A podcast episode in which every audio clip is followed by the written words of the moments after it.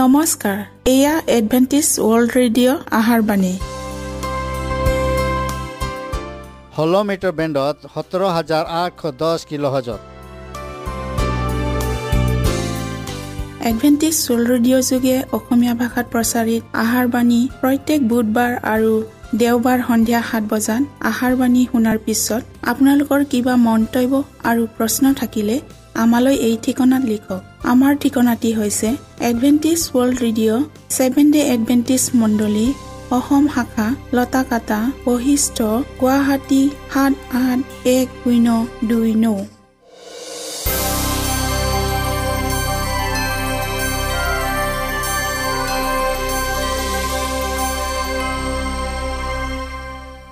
প্ৰিয় শ্ৰোতা বন্ধুসকল এতিয়া শুনো আহক এটি খ্ৰীষ্টীয় ধৰ্মীয় গীত।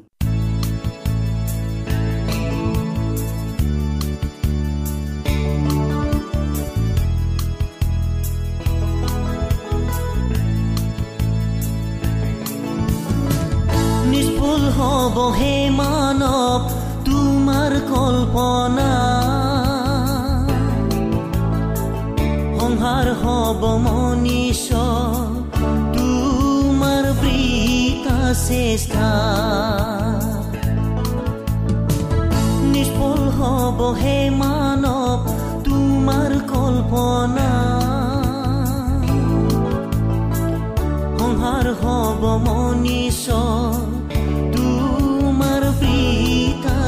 চেষ্টা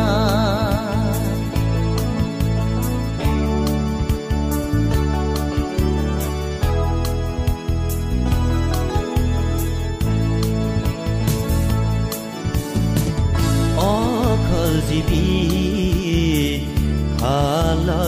আচৰয় মনীষ বাবে ধৰণী। এতিয়া আছে এতিয়া জিনা মনীষ জাতি জীৱন।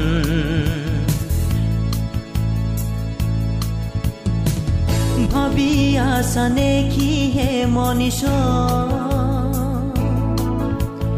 এই পৃথিৱী ভাবি আছানে কি হে মন সদা সৰ্বদা ভাবি আছানে কি হে মনীষ এই পৃথিৱী ভাবি আছানে কি হে মন সদা সৰ্বদা নিষ্ফল হব হে মানৱ তোমাৰ কল্পনা। সংসাৰ হব মনীষ তোমাৰ বৃতা চেষ্টা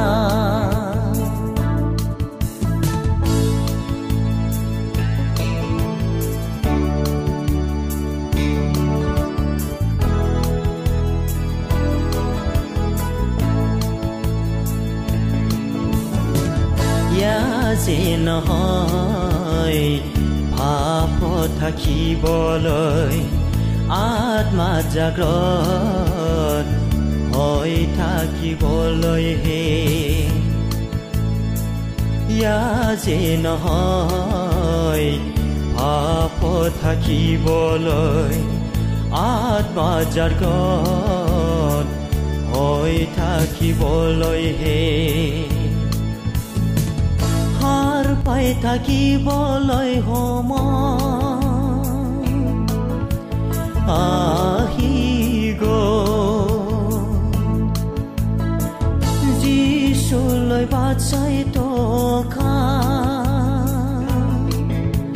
সময় আহিল। সাৰ পাই থাকিবলৈ সময়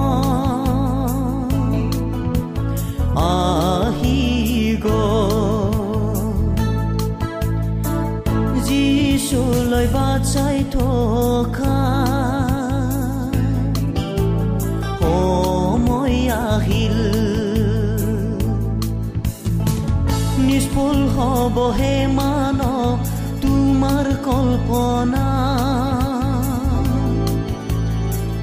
honhar ho bo monisho tu mar brita sestar নিষ্ফুল হ'ব হে মানৱ তোমাৰ কল্পনা। সংসাৰ হ'ব মনীষ তোমাৰ বৃথা চেষ্টা তোমাৰ বৃথা চেষ্টা তোমাৰ বৃথা চেষ্টা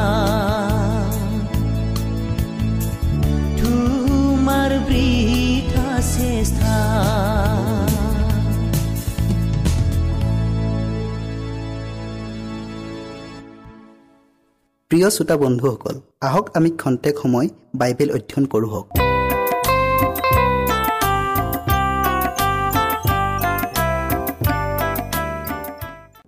আজিৰ বিষয় হৈছে ঈশ্বৰৰ মণ্ডলীৰ পৰিচয়। খ্ৰীষ্টীয়ৰ প্ৰত্যেকজন অনুগামীয়েই কোনো সন্দেহ নোহোৱাকৈ খ্ৰীষ্টীয়ৰ সত্য মণ্ডলী কোনটো? আৰু তেওঁ নিজেও সেই মণ্ডলীত যে আছে তাক জনা উচিত। কিন্তু হঠাতে বিভিন্ন উদ্দেশ্যেৰে গজি উঠা শ শ নামধাৰী খ্ৰীষ্টীয় মণ্ডলীয়ে সৰ্গলৈ আঙুলিয়াই দেখুৱাই দি কয় যে আমিহে সত্য মণ্ডলী আজি এই বিষয়টোৱে খ্ৰীষ্টীয় সমাজত ইমান বিশৃংখলৰ সৃষ্টি কৰিছে যে সৰ্বসাধাৰণ লোকে ঈশ্বৰৰ সত্যমণ্ডলী কোনটো নিশ্চিত হ'ব পৰা নাই। হয় আজি অনেকৰ মনত এই গুৰুত্বৰ প্ৰশ্ন উদয় হৈছে। ঈশ্বৰৰ সত্যমণ্ডলী কোনটো? পৌলে তিমঠিয়লৈ লিখা এইদৰে কৈছে পত্ৰত এইদৰে কৈছে সত্যৰ স্তম্ভ আৰু ভেটিস্বৰূপ ঈশ্বৰৰ যি গৃহ অৰ্থাৎ জীৱনময় ঈশ্বৰৰ মণ্ডলী। ঈশ্বৰৰ মণ্ডলী হৈছে ঈশ্বৰৰ সত্য বাক্যৰ ভঁৰাল ঘৰ যীশুৱে তেওঁৰ প্ৰত্যেকজন বিশ্বাসীক এই সত্য জানিবলৈ কয় আপুনি যেতিয়াই ঈশ্বৰৰ সত্য মণ্ডলীক চিহ্নিত কৰিব পাৰিব তেতিয়াই আপুনি যীশুখ্ৰীষ্টীয়ৰ প্ৰকৃত শিক্ষা প্ৰকৃত পথ শাস্ত্ৰীয় সন্মত বাপ্তিস্ম বিশ্ৰামবাৰ শুভবাৰ্তা মন পৰিৱৰ্তন পবিত্ৰতা ভোজন পাণ বস্ত্ৰ পৰিধান চলন ফুৰণ কথা বতৰা আত্মা সৰ্গ নৰক মৃতকৰ অৱস্থা দ্বিতীয় আগমন শেষ মহাবিচাৰ ইত্যাদি। ঈশ্বৰীয় বিষয়বোৰ সত্য কি জানিব পাৰি ক'ব হে প্ৰভু এতিয়া আপুনি মোক কি কৰিবলৈ কয়?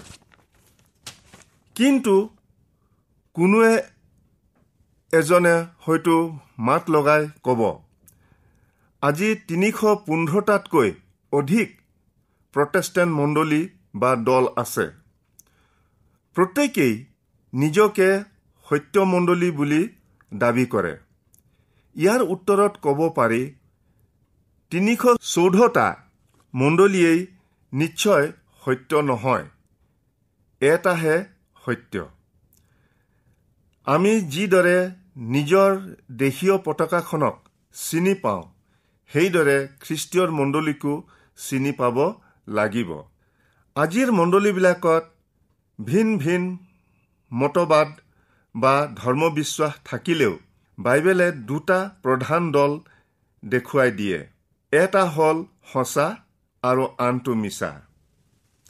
প্ৰকাশিত বাক্য বাৰ অধ্যায়ত থকা সতী তিৰোতাজনীয়েই ঈশ্বৰৰ পবিত্ৰ আৰু সত্যমণ্ডলীৰ প্ৰতীকস্বৰূপ অসতী তিৰোতাৰ প্ৰতীকেৰে কৃত্ৰিম বা মিছা মণ্ডলীক বাবিলন বুলি ঈশ্বৰে পৰিচয় কৰাই দি কৈছে আজি যিবোৰ মিছন মণ্ডলী জগতত আছে সেইবোৰত ঈশ্বৰৰ আজ্ঞাৰ সৈতে কোনো সাদৃশ্য দেখা নাযায়। বাইবেলে তেনে মণ্ডলীবোৰক মিছা আৰু বাবিল মণ্ডলী বুলি নামাকৰণ কৰিছে। কিয়নো অতীতৰ বাবিল অসাৰ ধৰ্মবিশ্বাসৰ প্ৰতীকস্বৰূপ আছিল।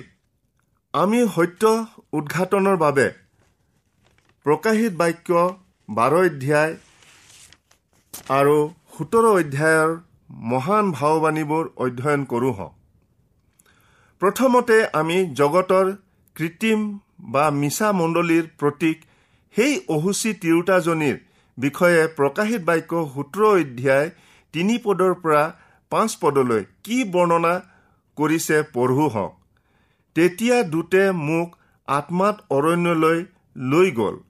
তাত এটা সেন্দুৰ বৰণীয়া পহুৰ ওপৰত এজনী তিৰোতা বহি থকা দেখিলোঁ।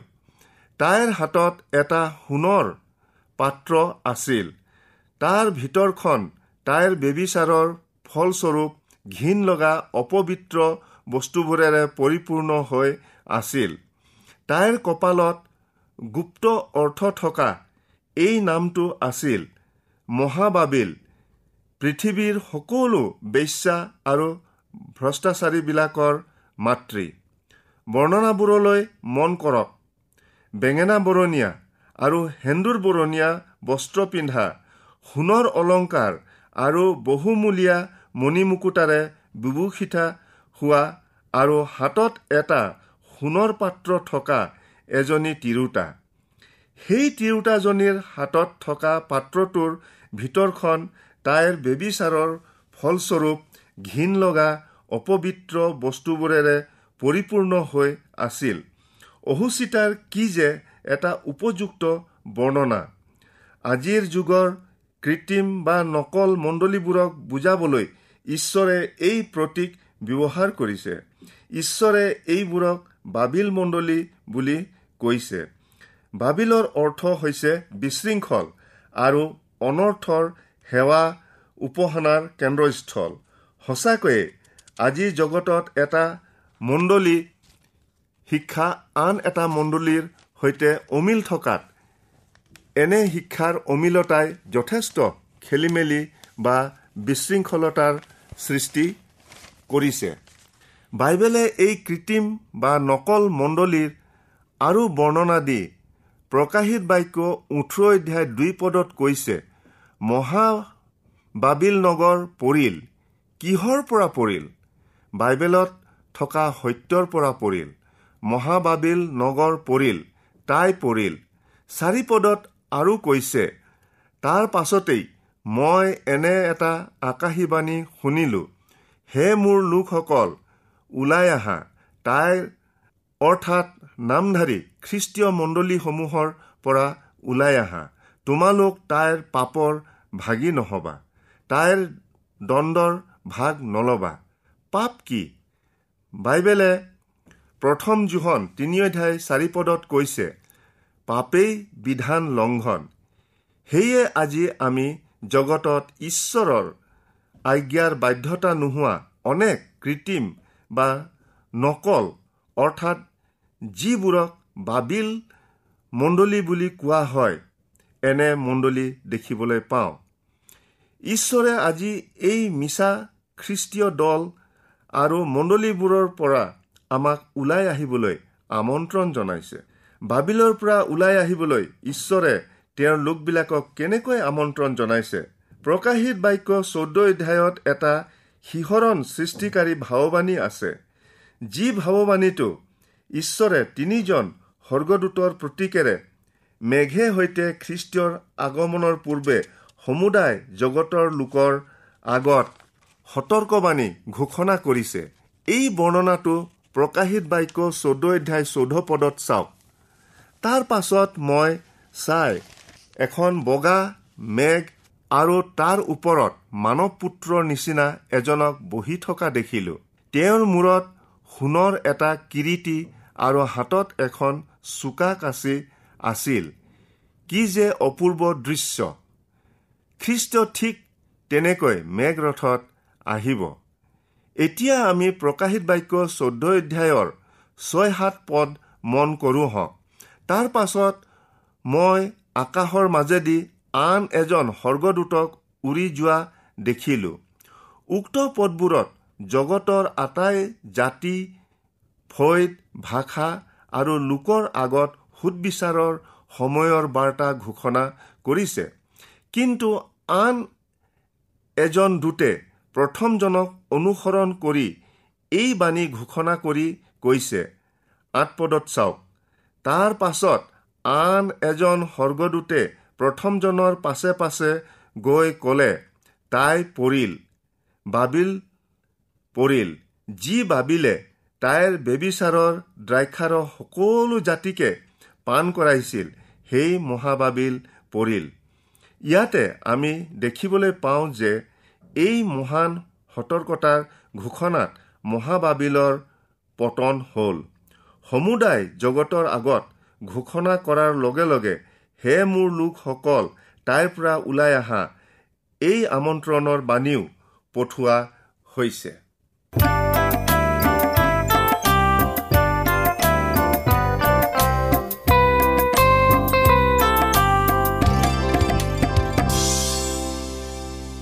ইমানপৰে আমি বাইবেল অধ্যয়ন কৰিলোঁ এতিয়া আকৌ শুনো আহক এটি খ্ৰীষ্টীয় ধৰ্মীয় গীত।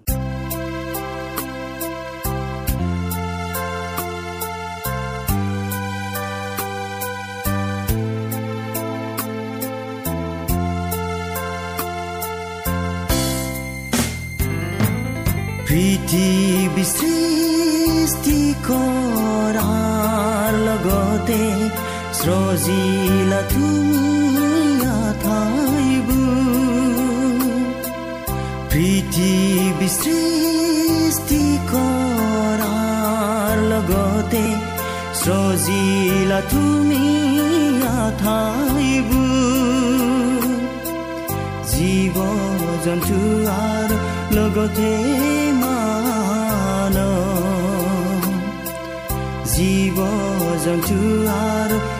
লগতে মান।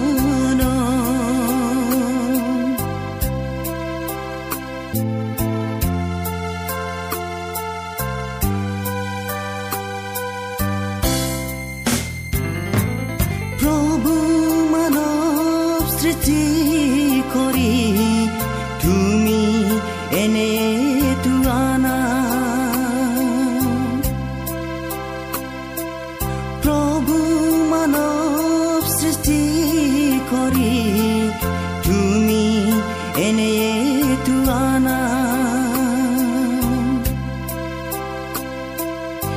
দিশা কৰিব হাত ভৰি দিশা কৰিব হাত ভৰি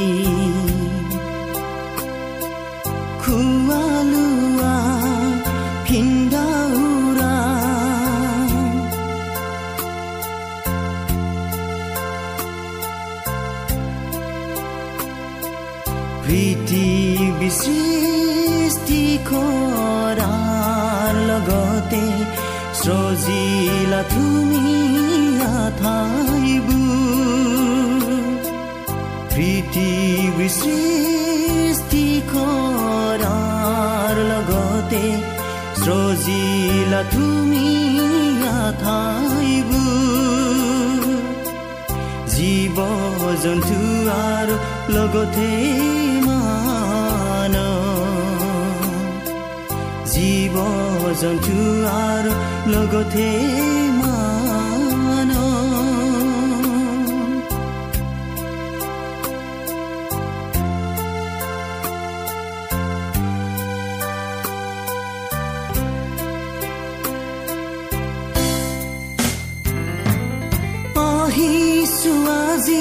তোমাৰ চৰণত তুমি দিয়া সকলো ধনেৰে আহিছো আজি তোমাৰ চৰণত তুমি দিয়া সকলো ধনেৰে লগতে আমাৰ দিয়া খুলিদ লগতে আমাৰ biakul rido lua tumi aji ama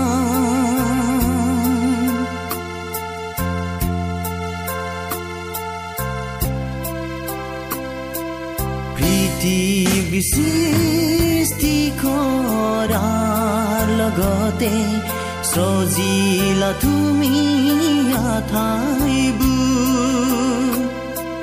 প্ৰীতি বিশৃষ্টি কৰাৰ লগতে সজিলা তুমি আঠাইব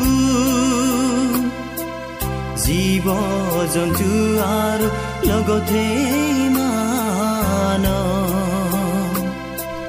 জীৱ জন্তু আৰু লগতে মান প্ৰীতি বিসৃষ্টি কৰাৰ লগতে সজিলা তুমি আঠাইব জীৱ জন্তু আৰু লগতে মান জীৱ জন্তু আৰু লগতে মা